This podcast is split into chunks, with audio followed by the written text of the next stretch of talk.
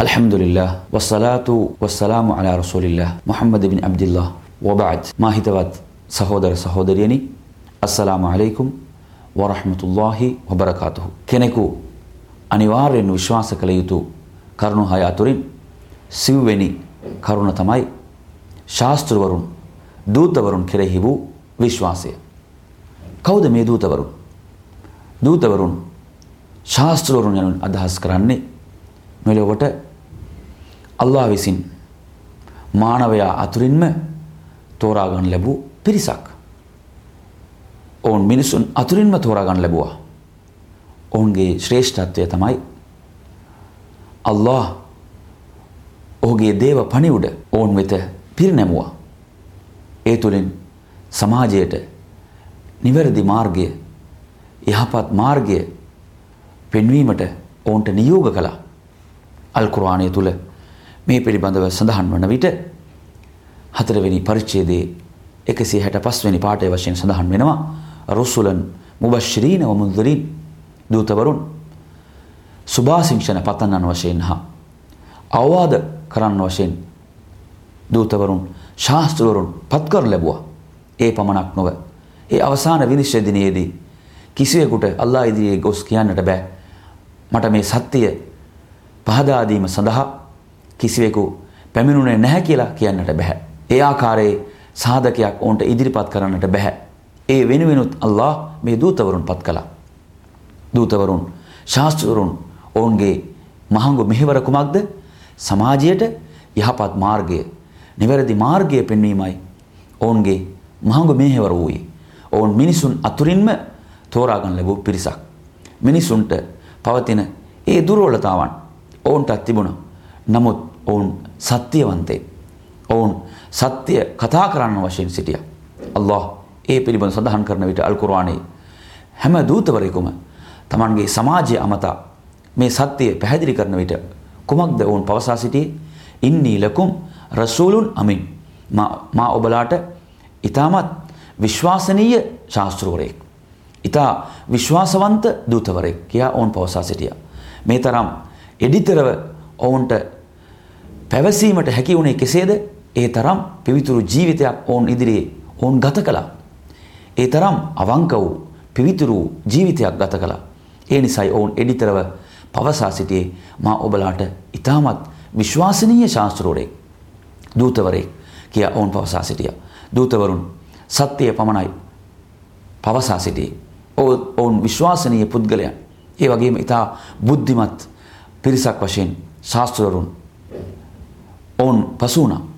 සහෝදර සහෝදරියනි අල්له මේ ශාස්ත්‍රවරුන් දූතවරුන් පිළිබඳ පවසන විට වලකද බාස්නා ෆී කුල්ලි උම්මතින් රසූලන් අනි අබුදුල්ලාහ වජිතනිබුත්තාවොත් අපි හැම සමාජයකටම අපි දූතවරුන් ශාස්ත්‍රවරුන් පත් කළා.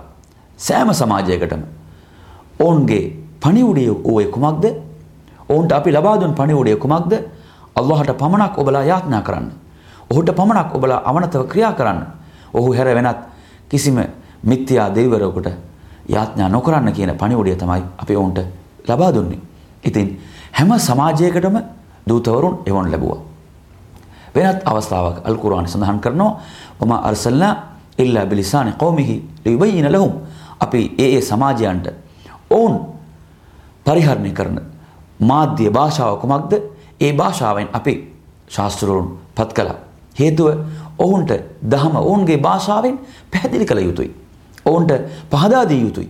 ඒ අරමුණ ඒ පරමාර්ථය මත අපි ඒ ඒ භාෂාවන් තුලින් ඒ ඒ සමාජයන්ට අපි දූතවරුන් පත් කළ බවත් අල් කුර්ආනයේ පවසා සිටිනවා.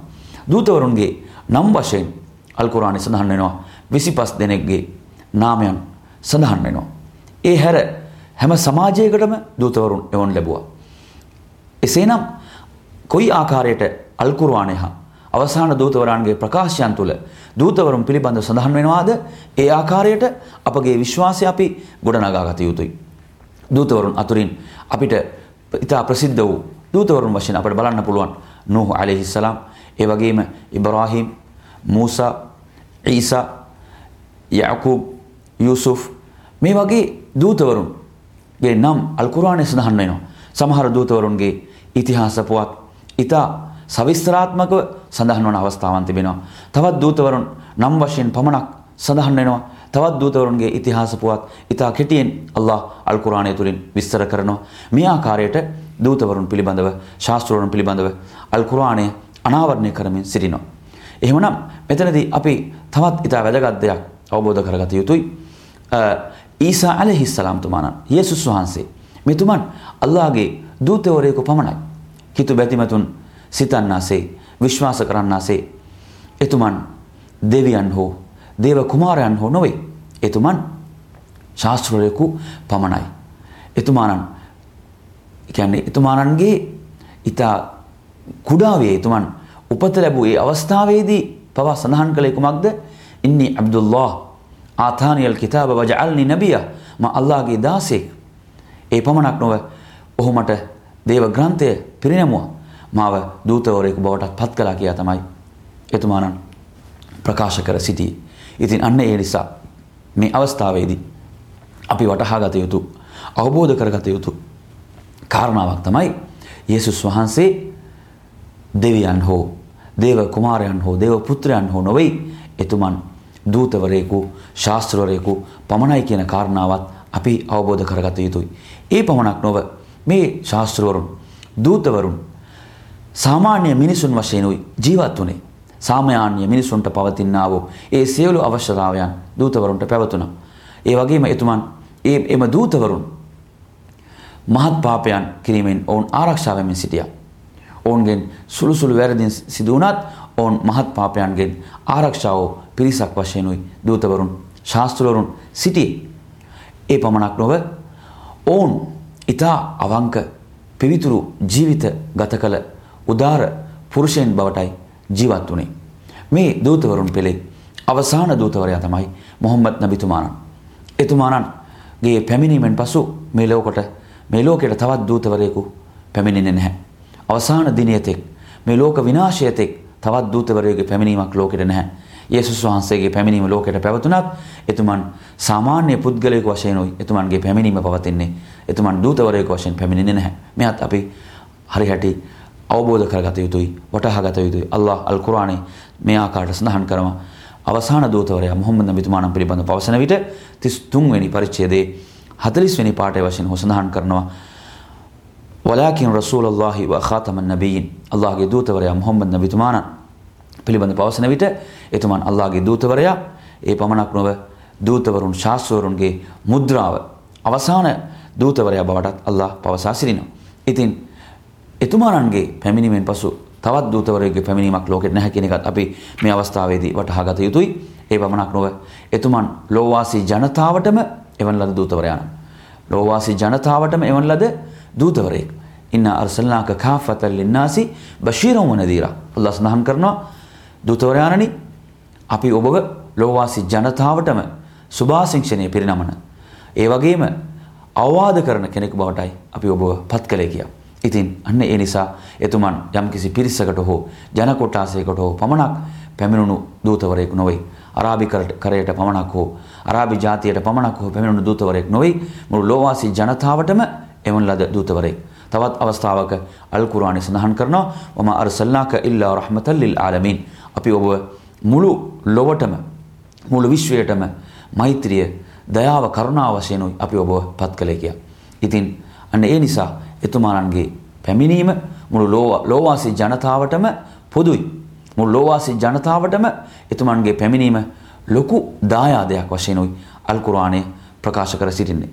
ඒ පමණක් නොව එතුමාණන්ගේ ජීවිතය තුළ එතුමන්ට දූතත්වය පිරිනමන ලැබුවේ එතුමන්ගේ 40 වෙනි විහෙහිදී. එතුමන් අවුරුදු 1400ට පෙරයි මේ ලෝකේ උපත ලබන්නේ. එතුමාණන්ගේ උපතෙන් අවුරුදු 40කට පසුව එතුමාණන්ට ශාස්ත්‍ර පදවිය දූතත්වයේ පිරිනමන ලබනවා. මක්කාවේ පිහිටා තිබෙන ජබලුන් නූර් ආලෝකමත් ඒ කඳු පර්වතය කියා හඳුන්වනු ලබන ප්‍රචලිතව පවතින ඒ කඳු වැටියේ පැවතුණු එක් ගුහාවක් තමයි හිරානම් ගුහාව. ඒ ගුහාව තුළ එතුමාණන් තනිව සිට මේ සමාජයට කොහොමද මඟ පෙන්වන්නේ කියන එක පිළිබඳව එතුමාණන් සිහිපත් කරමින් යාඥාවන්හි නියැලෙන්න පටන් ගත්තා. අවුරුදු 3ක කාලයක අවෑමෙන් පසුව අවුරුදු 3ක කාලයක් ගෙවී යෑමෙන් පසුව අල්ලාහ් ඔහුගේ අග්‍ර දේවදූතවරයා ගබ්‍රීල් යවා මුල්ම දේව පණිවුඩය අනාවරණය කරනවා. ඉක්රා බිස්මි රබ්බිකල්ලදී ඛලක් ඔබලාගේ හිමියානන්ගේ නාමයෙන් ඔබ පාරායනය කරන්න කියන ඒ පාඨය සමග එතුමානන්ට ශාස්ත්‍ර පදවිය දූතත්වයේ පිරිනැමන ලැබුවා. එතන සිට එතුමානන් කුමක්ද කළේ අවුරුදු 23ක් අඛණ්ඩව මේ සත්‍යය ඒ සමාජයට පැහැදිලි කළා. සත්‍ය කරා සමාජය කැඳවා සිටියා. එතුමානන්ගේ එතුමානන්ට ඒ සමාජයේ පිරිනැමූ ඒ උසස් වූ විරුදාවලිය තමයි අල් අමීන් අස් සාදික් විශ්වාසවන්තයා සත්‍යවන්තයා යන ඒ උසස් වූ නාමයන් පිරිනැමනු ලැබුවා. ඒ තරම් සුවිශේෂී වූ ජීවිතයක් ගත කළ ශ්‍රේෂ්ඨ වූ පුද්ගලයෙකු තමයි උදාර වූ පුද්ගලයෙකු තමයි එතුමාණන්. එතුමාණන්ගේ ජීවිතය මක්කාව තුළ අවුරුදු 13ක් දූතත්වයෙන් පසුව අවුරුදු 13ක් පැවතුණා. ඒ වගේම මදීනාවෙහි එතුමන්ගේ ජීවිතය අවුරුදු 10ක් පැවතුණා.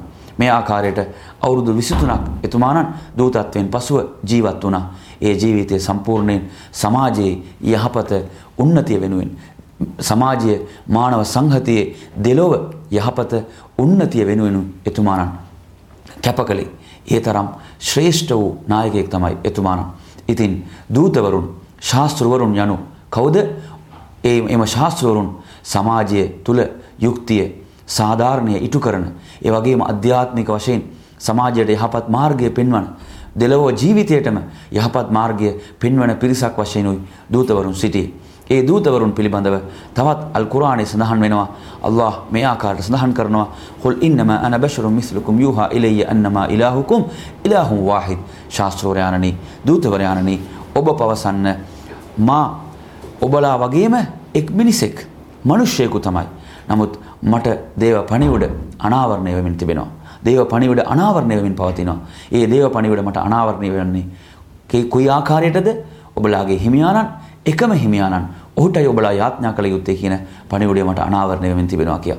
ඉතින් අන්න ඒ නිසා සහෝදර සහෝදරියනි අපි දූතවරුන් ශාස්ත්‍රවරුන් කෙරෙහි මේ ආකාරයේ විශ්වාසයක් ගොඩනගාගත යුතුයි. අල් කුර්ආනයේ අවසාන දූතවරයාගේ ප්‍රකාශයන් තුළ කොහොමද කොයි ආකාරයටද දූතවරුන් පිළිබඳ සඳහන් වන්නේ ඒ ආකාරයට අපගේ විශ්වාසය ගොඩනගාගත යුතුයි.